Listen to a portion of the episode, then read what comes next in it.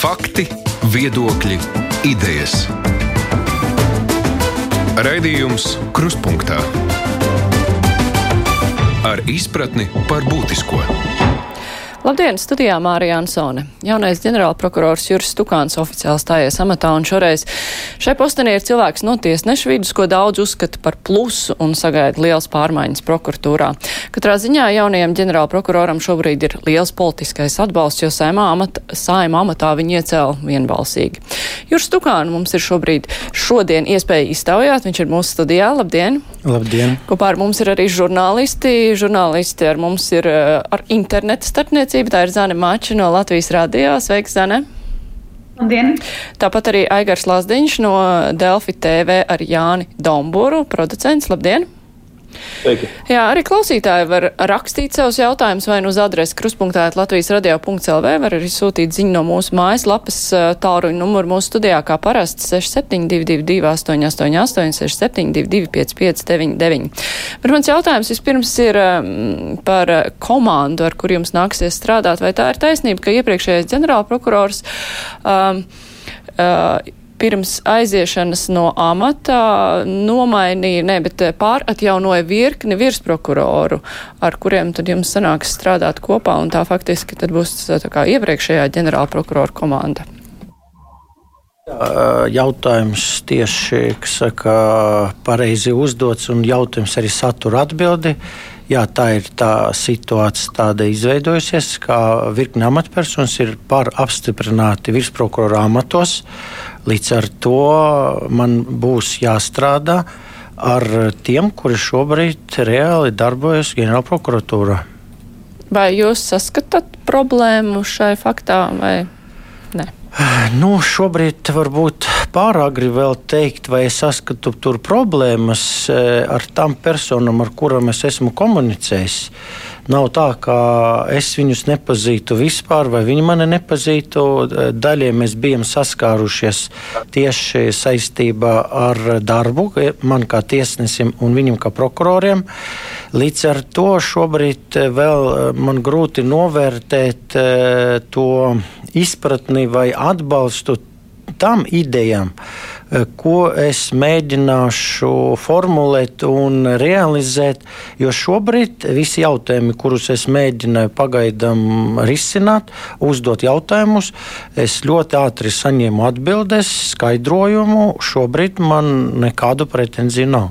Bet eh, vai no iepriekšējā ģenerāla prokurora puses tā ir eh, nu, pareiza rīcība, aizejot pārapstiprināt cilvēkus, kuri strādās tur piecus gadus? Nu, nezinu, vai tur bija kāds arī kāda doma, bet e, redziet, tur arī viņam varbūt variantu īpaši nebija, jo amatpersonu virsprokura amatos tiek iecelti uz pieciem gadiem, un ja šo piecu gadu termiņš ir noticējis un būtu jālēm par nākošo, nu, tad līdz ar to tas tika darīts. Es neesmu pārbaudījis, vai tur tiešām tā bija, kā termiņš beidzās un saulē saulēcīgi tas izdarīts, vai kāds bija paturēts ilgāk, vai vai pārapstiprināts pirms termiņa. To man grūti pateikt, jo es tajā ziņā neesmu neko tur baudījis, skatījies. Bet es domāju, ka tur nevajadzētu būt tādai sazverestībai, jo vēlreiz likuma ir pieci gadi, termiņš e, iztecējis, vajadzēs stiprināt e, uz nākošu termiņu vai meklēt jaunu. Nu, šeit ļoti interesanta situācija ar sevišķi svarīgu lietu e, izmeklēšanas nodaļu, kur tiešām vesels pusgads tika gaidīts un tad pēkšņi pēkšņi tika apstiprināts eh, jauns virsprokurors. Bet eh, man kā tiesnesim iepriekš eh, es ļoti augsti vērtēju Māri Leju. Es esmu arī priecīgs. Viņš tiešām ir visaugstākais kvalitātes prokurors. Nezinu, kā viņam tur veiksies ar virsprokuroru pienākumu pildīšanu, bet kā profesionālis, manuprāt, viņš ir viens no labākajiem. Labi, es došu vārdus kolēģiem. Zana. Nē, tieši, tieši par šo gribēju arī pa, pajautāt par Māra Lejas iecelšanu, jo tad, kad bija skaidrs, ka šo virsprokuroru vajadzēs, tad bija citi prokuratūras prokurori bija pieteikušies, izrādījuši interesi par šo amatu, jo konkursu oficiāli nerīkoja. Sakot, ka tas neparedz to likumus. Tomēr Leja nebija šo interesi izrādījis, bet viņš nāga tik izraudzīts. Kāpēc? Eh, pret viņa gribu viņu iecelt amatā nevarēja. Līdz ar to varbūt viņš viens no tiem cilvēkiem, kuru vajadzēja īpaši uzrunāt un motivēt, un tad viņš eh, novērtējot visus par un pret piekrita, jo, nu, vēlreiz, eh, kā jurists viņš ir viens no labākajiem. Es šaubos, ka viņš neapzinoties, kas viņam ir jādara šajā amatā, būtu piekritis to darīt. Tāpēc es domāju, ka. Bet, uztraukumam nav pamata šajā ziņā, bet tas varbūt tā sāpīgāk, bet šajā ziņā likuma par prokuratūru rakstīts, ka ģenerālprokurors nosaka prokuratūras struktūru un štatus atbilstoši valsts budžeta līdzekļiem piešķirtajiem. Principā teoretiski varētu rītdien izveidot jaunu ģenerālprokuratūras struktūru un visus virsprokurorus eh, jaunajās nodaļas simtprocentīgi nomainīt nomainīt. Bet vai jūs tā darīsiet, ja jūs konstatēsiet, ka kāda darbs jūs neapmierina? E, ja mums radīsies atšķirīga izpratne par veicamajiem darbiem, es runāšu ar visu prokuroru, vai viņam ir konkrēti priekšlikumi vai argumenti. Ja, nevar, ja mēs nevarēsim atrast kopvalodu un viņš nebūs ar mieru pats e, turpināt darbu kā prokurors, man cita varianta nebūs. Aigar? Es atvainojos, man šķiet, man ar skaņu kaut kas īsti nebija labi. Es gribēju pārjautāt par šo pašu prokuratūras struktūru. Tā bija viena no lietām, ko jūs esat arī vairāk kārt publiski teicis, ka jūs grasāties uh, veikt tādu tā kā struktūrālo auditu un uh, tad arī iespējams veikt visai būtiskas pārmaiņas prokuratūras struktūrā, kas labi sasaucas ar šo tēmu. Cik tālu jūs šobrīd to esat ticis? Tas audits ir sācies, vai ir varbūt zinām cilvēki, kas šo auditu veids? Eh, jā, redziet, eh, es šobrīd tieši eh, daļai laiku veltu tieši apzināties struktūru vienību sastāvu un veicamos uzdevumus un funkcijas. Es esmu palūdzis visus departamenta virsprokurorus organizēt man tikšanas ar nodaļu visiem prokuroriem, lai uzklausītu viņu viedokļus un paustu savu viedokli, un pēc tam es attiecīgi rūpīgi eh, domāšu par eh, tiešām struktūrālām izmaiņām, jo jau šobrīd, manuprāt, eh, vairākas funkcijas, ko veids prokurori ģenerāla prokuratūrā, tas neatbilst prokurora būtībai. Līdz ar to daži, daži amati jau varētu atgriezties atpakaļ prokurori pie krimināla lietu izmeklēšanas. Tas ir administratīvi amati. Jautājums bija, vai tie ir administrīvi amati? Jā, manuprāt, tie tiešām saistīti ar organizatorisko darbu, tie ir saistīti ar personāla sastāvu lietu kārtošanu un tam līdzīgi. Zāne, vai tev jautājums? Nu, jā, turpinot par šīm struktūrālajām iespējamām izmaiņām, jūs esat izteicies intervijās medijiem, ka jūs, prāt, būtu jāveido kādas speciālas atsevišķas nodaļas kur prokurori strādātu tikai ar knabu lietām un, piemēram, arī naudas atmazgāšanas lietām. Tad tas ir plānots pēc šī audita, vai jau jums ir nu, skaidrāks, vai iekšā ir speciāls nodaļas vai nē? Man viennozīmīgi skaidrs, ka viena no prioritātēm ir finanšu un nodokļu lietas. Kuras prasa arī specifiskas zināšanas.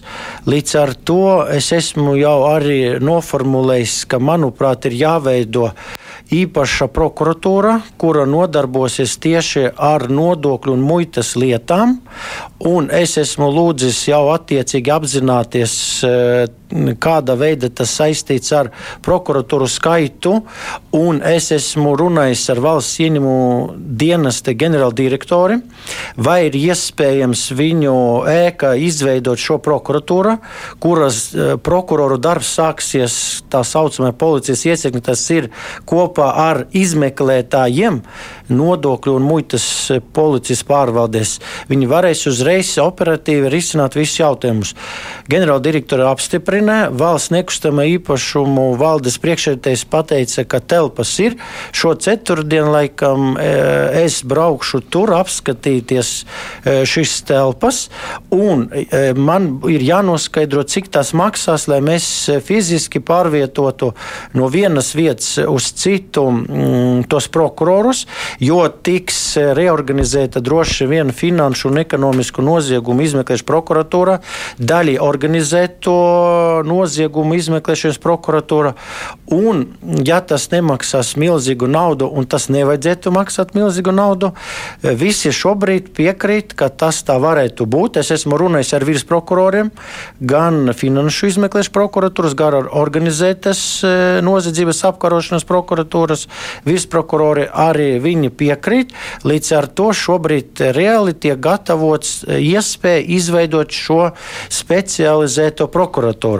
Ja šis projekts būs ļoti veiksmīgs, es labprāt piedāvātu Knābam arī attiecīgi veidot uh, speciālu prokuratūru, kas saistītā ar koruptīvu lietu izmeklēšanu, un uh, tad uh, mums ir jātiek skaidrība par noziedzīgi iegūtu līdzekļu legalizēšanu, jo tas nav atsevišķs noziegums, tas ir saistīts ar citiem noziegumiem. Mums ir jāatrod apmēram, mums ir varianti, mehānisms, kā sniegt metodisko atbalstu jebkuram prokuroram saistībā ar legalizācijas e, nodarījumiem. Bet tad sanāk, ka tad lēmums e, konceptuāli ir pieņemts par šīs specializētās prokuratūras veidošanu attiecībā uz nodokļiem, e, bet, un ja jautājums ir tikai par naudu, vai tas nozīmē, ka jums tā nauda ir jāatrod pašreizējā budžeta ietvaros, vai varbūt runa par kaut kādu papildus finansējumu, ko valdībai prasīt? Jā, es domāju, ka man nav īpaši lielu variantu. Man ir jāatrod eh, esoša budžeta ietvaros, eh, jo eh, netiek palielināts ne prokuroru štats, netiek paplašināts kaut kāda veida savādāk šis darbs. Vienkārši mums jāveic struktūrālas pārmaiņas, bet kur tur nepieciešama nauda, ja tas ir citas telpās, principā galdus mēs varam paņemt un aizvest līdzi, bet e, vajag e, pieslēgumu interneta resursiem, lai no attiecīgas vietas varētu strādāt ar prokuratūras informācijas sistēmām. Tas ir vienīgais jautājums. Un otrais, kas vispār man liekas, ka ļoti jocīgs, es to arī runāšu vēl e, citos fórumos. Nu, kā tā tā, prokuratūrai vajag telpas, to jānodrošina valsti, bet ir izveidota sistēma, kā no prokuratūras budžeta mums jāmaksā noma tam attiecīga īpašuma, valsts nekustamā īpašuma pārvaldniekam. Nu, tas arī var būt klupšanas akmens, ka viņi pateiks, jums jāmaksā, Tas ir mana, tā nav mana privāta lieta, tā ir valsts jautājums. Kāpēc naudu jādod prokuratūrai, it kā kuru mums jāmaksā valsts nekustamiem īpašumiem? Nu, lai viņi pārvalda visus īpašumus un lai no budžeta uzreiz saņem finansējumu, bet mums nodrošina telpas. Kāpēc man jārisina šis nomas līgums, kur viņi atkal nosaka cenu, cik tas maksā? Un ja viņi pateiks, ka tas ir liela cena, tad mums budžeta prokuratūras tas nebūs.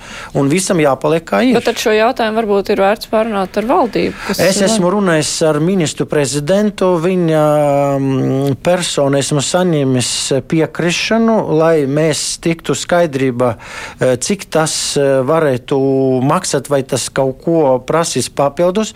Eh, viņš man apsolīja arī atbalstu, ja nepieciešams, tikties trietā arī pieaicinot finanšu ministru, jo vēlreiz mana izpratne nodokļu daļu kriminālu noziegumi. Tie ir tie, kuri mums atņem valsts budžetam milzīgas naudas summas. Un ja valdība pasaka, ka ēno ekonomika ir milzīgi miljardi, nu tad ļaujiet mums efektīvāk tur darboties.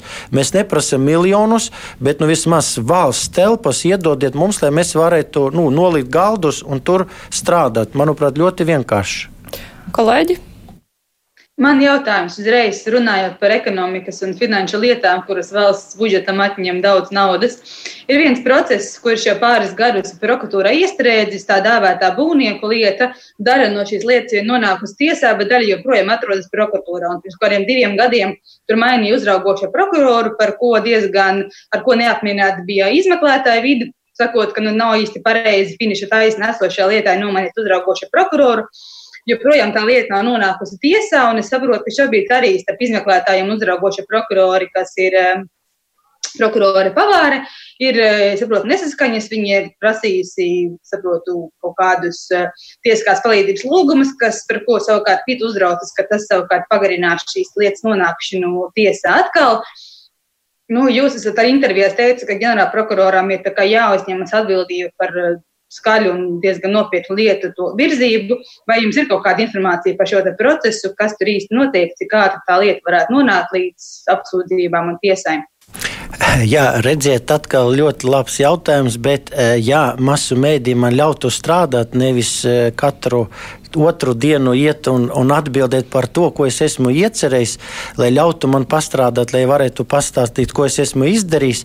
Es to visu apzinoties, un starp eh, šīm tikšanām vakar eh, tieši klātienē eh, tika rīkota sanāksme manā vadībā ar nodokļu policiju, pavāri, uzraugošu amatu augstāko prokuroru. Visas domstarpības ir atrisinātas. Es šobrīd jums neteikšu, ko mēs mēs eh, izdarījām, bet šobrīd ir eh, izpratne, un man ir apsolīts, eh, pēc tur daži ir šobrīd atvaļinājumos, tuvākā laika būs skaidra un neparaprotama virzība tai daļai, kas ir palikusi, un tur šobrīd punkti uz īri salikti, un visi visu saprot. Egar? Varbūt mazliet mazliet paplašinot Zanas jautājumu, uh, ir patiesībā visai daudzas tādas nosacītas skaļās lietas, par kuru uh, virzību sabiedrībai ir bijuši jautājumi pēdējos gados. Uh, Tostarp arī tādas, kurās, uz, um, kurās krimināla vajāšanai ir izdot saimnes deputāti, par kuru, uh, par kuru virzības ātrumu, teiksim, tā var uh, uzdot jautājumus. Un, uh, Par šīm lietām arī jūs intervijā pie Jāņa Dombura nesen arī izteicāties, ka uh, šī funkcija, jūsu iespēja uzrunāt prokuroru un izrunāt teiksim, tā, šīs te lietas, jūsu izpildījumā tiks aktīvi pielietot. Tad ja gribēju saprast, vai šis zānis pavārs būvnieku lietas gadījums pagaidām ir vienīgais, vai ir vēl kādi, par kuriem jūs arī varētu pastāstīt? Tas nav vienīgais gadījums. Eh, atkal, eh, zinot, ka man tomēr laikam nav variantu, man būs jānāk eh, pie jums visur, kur un man jautās. Es palūdzu tieši preses dienas darbiniekiem. Viņi man iedeva sārakstu ar nu, jūs interesējošajām lietām, un atbilstoši šim sarakstam viņš ir nodots uh, departamenta visprokuroram. Man jau ir notikušas vairākas sanāksmes, tā skaita par šo būvnieku lietu, par visu uh, pāri. Tur nav daudz, tur uh, līdz 15 lietas, kuras ir tādas dzirdētas. Katrā lietā tiek aicināts izmeklētais prokurors. Manā klātbūtnē mēs runājam par virzību par šķērsliem vai par nesaprašanos, lai tuvākā laikā, nu vismaz šajā pusgada laikā, par visām lietām būs viennozīmīgi skaidra atbilde, kas notika, kas notiks vai kas jau ir, kas saka, beidzies. Jā, man ir jāatgādina klausītājiem un Latvijas televīzijas skatītājiem, ka šodien eh, mūsu studijā ir ģenerālprokurors Juris Stukāns, tāpat kopā ar mums ir arī žurnālisti Aigars Lazdiņš no Delfa TV ar Jānu Domburu un Zana Mači no Latvijas radio. Raidījums Krustpunktā. Jā, mums ir klausītājs uzdevusi jautājumu, vai jums ir radušās šaubas par prokuratūras darbu kādā no skaļajām lietām, piemēram, kad tika izbeigta oligarhu lieta? Nezinu, es eh, izbeigtas lietas šobrīd neesmu pētījis, un eh, tas nebūs man prioritārs eh, jautājums. Es šobrīd pievērsīšu uzmanību. Tas varētu būt ik mēneša vai, ja vajadzīs, arī biežāk. Tieši tikko mēs runājam par šo sarakstu, kas interesē sabiedrību, kas interesē masu mēdījus, tātad eh, tajās lietās, kuras šobrīd notiek izmeklēšana, kas traucē lietu virzībai vai kādi jautājumi bremzē lietu nodošanu tiesai. Un tad, kad mēs tiksim pāri šim jautājumam, mēs varam skatīties arī varbūt citas, bet ja lieta ir izbeigta un tur pārsūdzības iespējas ir izsmeltas, Es varbūt arī netērēšu laiku, jo tā ir vēsture. Man ir jārunā par šodienu un rītdienu. Ja es nevaru vēsturi mainīt, tad es tur arī netērēšu laiku šim jautājumam. Ja es varu tur ietekmēt kādu jautājumu un uz to norādīs attiecīgas amatpersonas, mēs to darīsim. Kolēģi? Bet kas tad jums ir kaut kāda, ir kaut kāda versija, kas tad kavē tās lietas, eh, to lietu izmeklēšanu? Jūs pats esat teicis agrāk, ka, ka iespējams eh, uzraugošiem prokuroram būtu vairāk jāiesaistās ne tik ļoti formāli, bet iespējams jādod konkrēti uzdevumi izmeklētājiem un tā tālāk. Nu, vai jums jau ir kaut kāda skaidrība kaut nedaudz Vai, vai daudz, kas tad īsti ir tie iemesli, kāpēc varbūt tās tās lietas? Nu, atkal jūs pajautājat, un jūsu jautājumi bija visas atbildes. Tieši tā, es jau šodien esmu konstatējis, ka tieši pietrūka šī savstarpēja satikšanās un e, izrunāšanas par juridiskiem jautājumiem. Es, mēs arī konstatējam, ka daži aspekti prasa pieaicināt kādu citu pro, profesionālu vai prokuroru, un mēs to izrunājam, vienojamies par tām daļām, kas ir par ko nav strīds, un tas daļas tiks virzītas uz tiesu. Tātad, manuprāt, tiešām citreiz varbūt pietrūka varbūt laika vai, vai, vai gribēšanas vienkārši sanākt un izrunāt neskaidrus jautājumus, jo ir jānosaka prioritātes. Mums lietas ir, lietu ir ļoti daudz, desmit tūkstoši tiek ierosināti, bet no tam desmit tūkstošiem nu, tur lielākā daļa nu, viņai ir jādzīvo savā gaita, bet ir dažas lietas, kuras ietekmē kaut vai valsts budžetu, kas ir miljonu izkrapta nauda. Nu, tad, ja mēs šie, šajās lietas noteiksim prioritāti, tad tie, e, tie, kuri iedomājas kaut ko darīt sliktu, sapratīs, ka tie vairs nebūs ilgi gadi, ka tas būs ātra e, reakcija un ātra virzība uz tiesu. Jo daļa lietu, daļa aspektu, ko mēs esam jau izrunājuši, man pateica mana klātbūtne prokurors un izmeklētājs konkrēti lieta, ka jā, šajā aspektā mums domstarpība nav. Viss es teicu, lūdzu, pēc atvaļinājuma šo daļu virzam tālāk. Punkts. Tur, kur ir nepieciešams kaut ko darīt, to turpināt darīt. Klausītāja jautājums, vai jums nav radušās bāžas, ka lietu ievilkšanās garumā ir nevis kādas komunikācijas problēmas, bet gan kāds ar ietekmi apzināti to bremzē? Šobrīd eh, man nav neviens procents informācijas, lai šādu secinājumu izdarītu. Es redzu profesionalitātes, tas ir nevis e, apzināti, bet vienkārši zināšanu trūkums e, tādos jautājumos, kuri ir parādījušies šodien, kuri vakar nebija zināmi. Tas ir viens. Un otrais, vēlreiz, es uzskatu, ja prokuratūra būs tuvāk izmeklētājiem, ļoti vienkārši piemērs. Izmeklētājs nopratina liecinieku vai aizdomas turamo, prokurors pēc tam izlasa liecības un pasaka, nē, šeit vajadzētu vēl dažus jautājumus. Es e, runājot par šo jaunu prokuratūras iespēju, iespējamu izveidošanu, pajautāju, kāpēc nevar izmeklēties kopā ar prokuroru uzreiz nopratināt liecinieku vai aizdevumus turamo un katrs uzdot visus jautājumus, ko viņš tajā brīdī ir gribējis. Un nevajag to cilvēku arī trenkāt divreiz. Un nevajag rakstīt uzdevumu izmeklētājiem nopratināt, ka tu vari pats būt klāt un nopratināt, ja viņi blakus sēdēs kabinetos. Tad sanāk, ka jums nav ne mazāko aizdomu, ka kāds prokurors varētu būt ietekmējams. Nē, nu, ietekmējams, varbūt kāds ar kādu kaut ko mēģina vienoties un par naudu kaut ko darīt. Es ceru, ka kāds arī līdz ar to paziņos un operatīvā ceļā atbilstoši dienestī to fiksēs. Bet tā kā nu, vismaz tas zināmajās lietās, tur, manuprāt, tie prokurori šaubu par viņu darbu man nav pagaidām. Mhm. Kolēģi, Egar?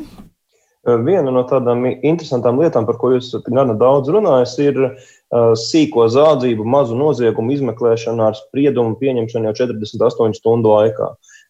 Kas ir ļoti, protams, patīkama ideja, bet līdz šim kaut kā Latvijā nav to izdevies ieviest. Un, um, Iepriekš es saprotu, ka jūs par to runājat vairāk no tiesneša pozīcijām. Tagad, kad jūs esat bijis jau bijis otrajā pusē un apskatījies, uzklausījis varbūt arī kolēģu viedokļus, kā jums, jūs joprojām esat tikpat droši, ka tās sīkās zādzības var iztiesāt 48 stundās un tur nav vajadzīgas kādas radikālas pārmaiņas, tikai darba pārorganizēšana?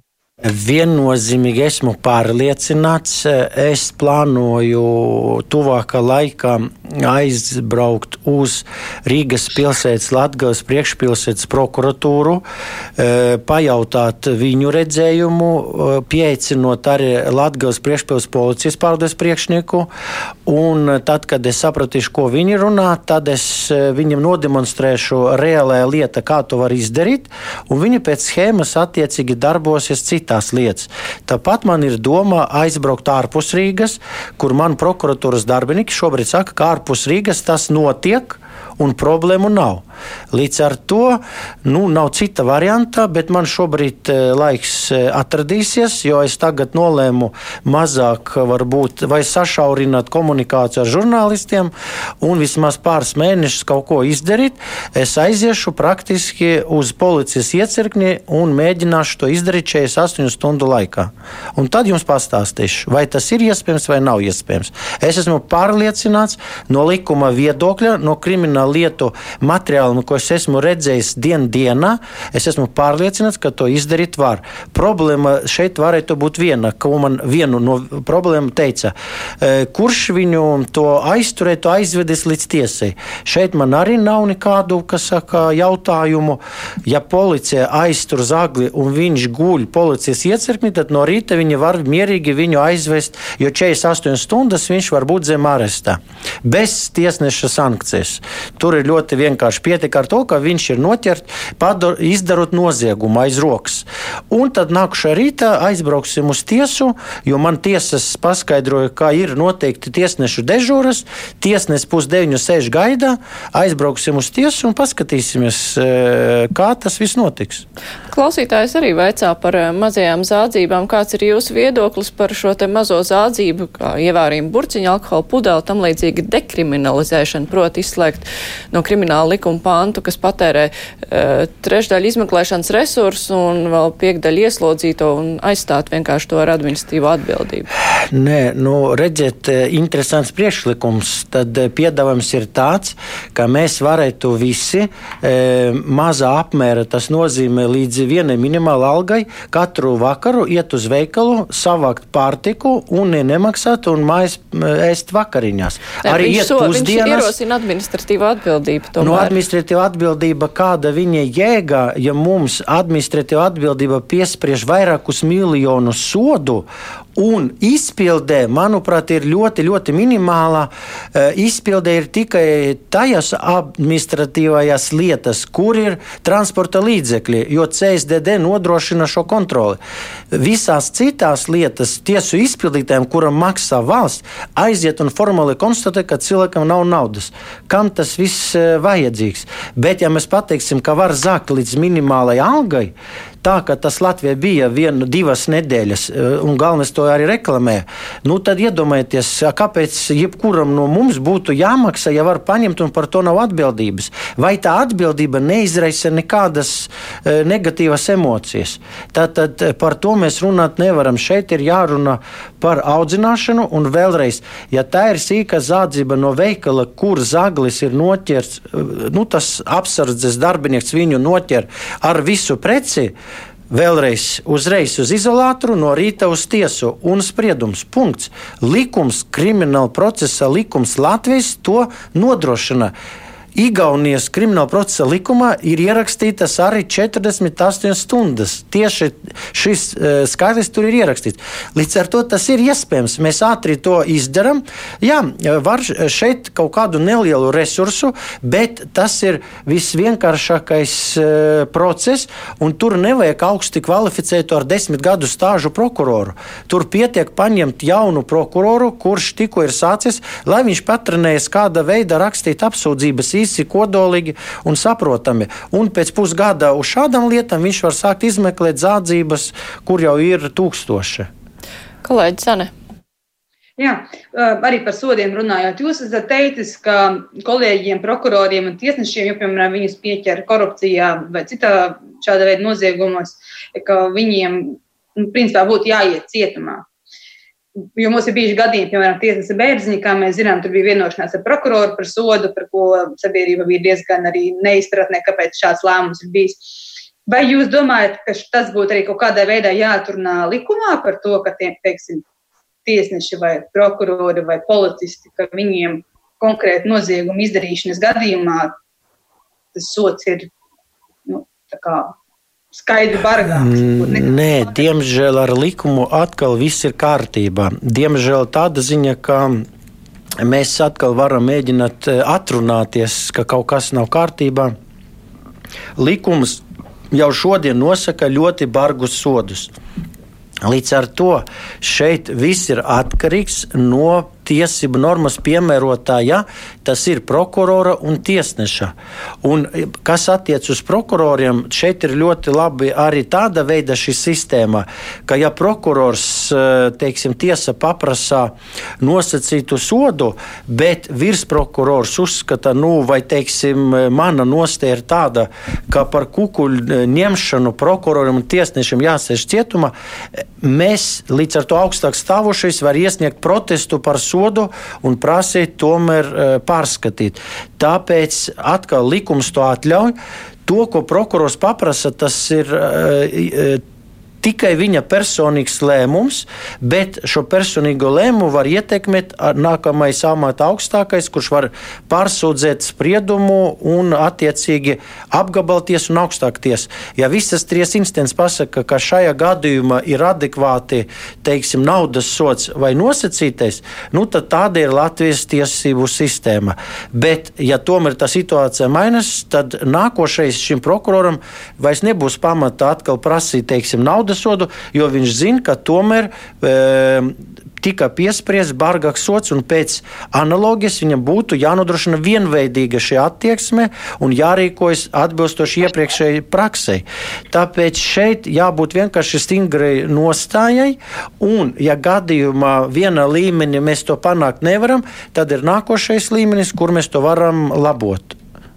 Aigar tādās lietās, tādās lietās kaut kādu vienošanos, eh, vienošanos ar prokuroru jūs neatbalstītu? Ka ir vienošanās ar, vienošanās ar prokuroru. Man pašam bija, bet tas nebija ar uh, amatnoziegumu, bet bija cits noziegums. Bija vienošanās par septiņiem gadiem brīvības atņemšana. Un es kā tiesnesis pirmās instances viņu apstiprināju.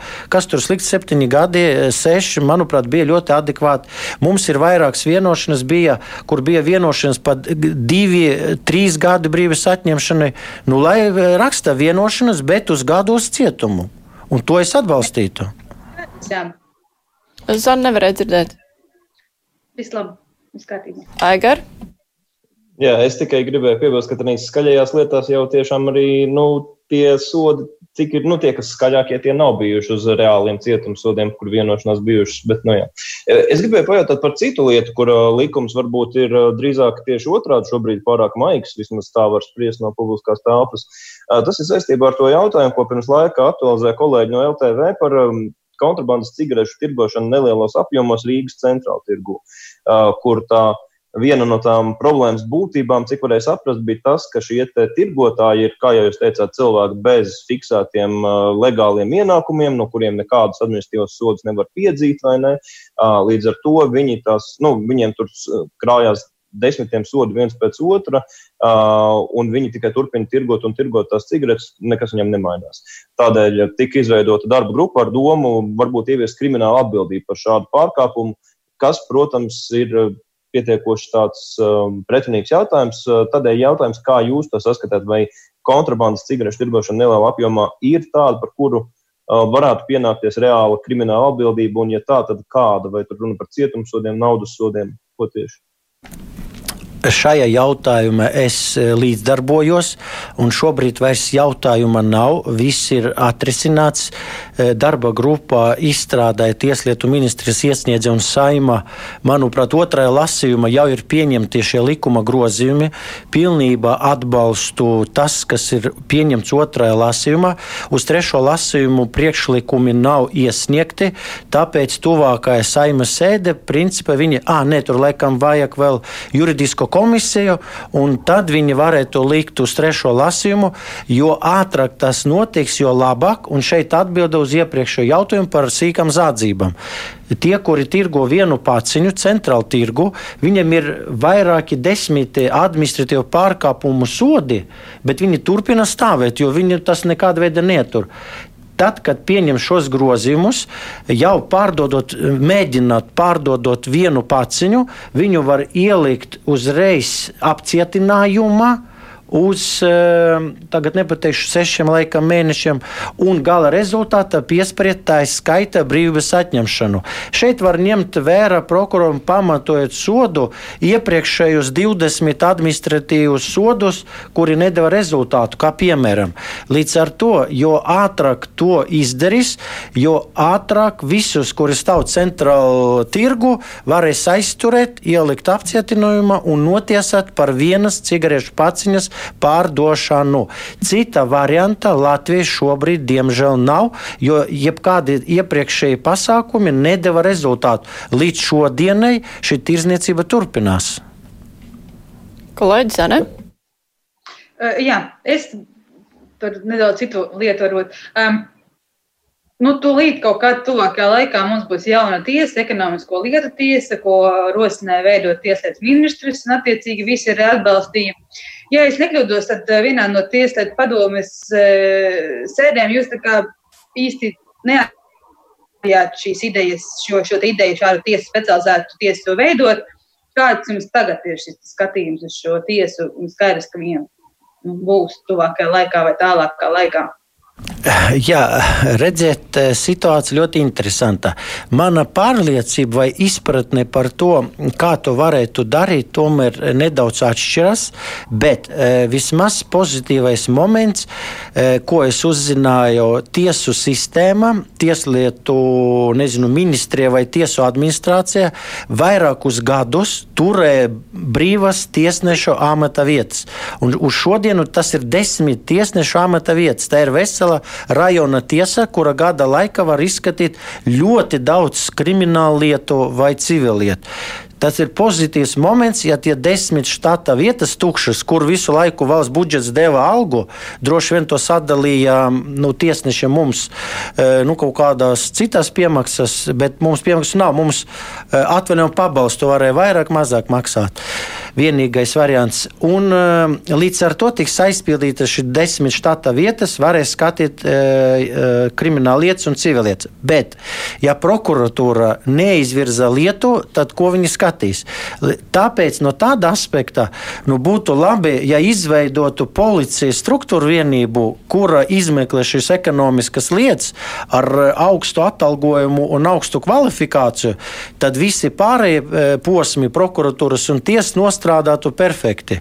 Vienkārši Šobrīd ir piedāvāts no otra gala, būs šie profesionāli tiesneši, bet um, jautājums tagad man būs jārisina. Mums būs jānodrošina augsti profesionāli prokurori, kuri spēs šādas lietas viņam uh, novirzīt. Ja mēs nespēsim šīs lietas novirzīt, izmeklēt, izmeklēšanu veids policija, nu tad, ko viņi skatīs, skatīs to pašu zādzības uh, no veikaliem, nu, tā rupji runājot. Tāpēc uh, ir šeit pozitīvs moments par specializāciju. Es esmu runājis par specializāciju jau 2014. kura gada. Ir diena nopublicēts, manuprāt, arī atbilstoša intervija.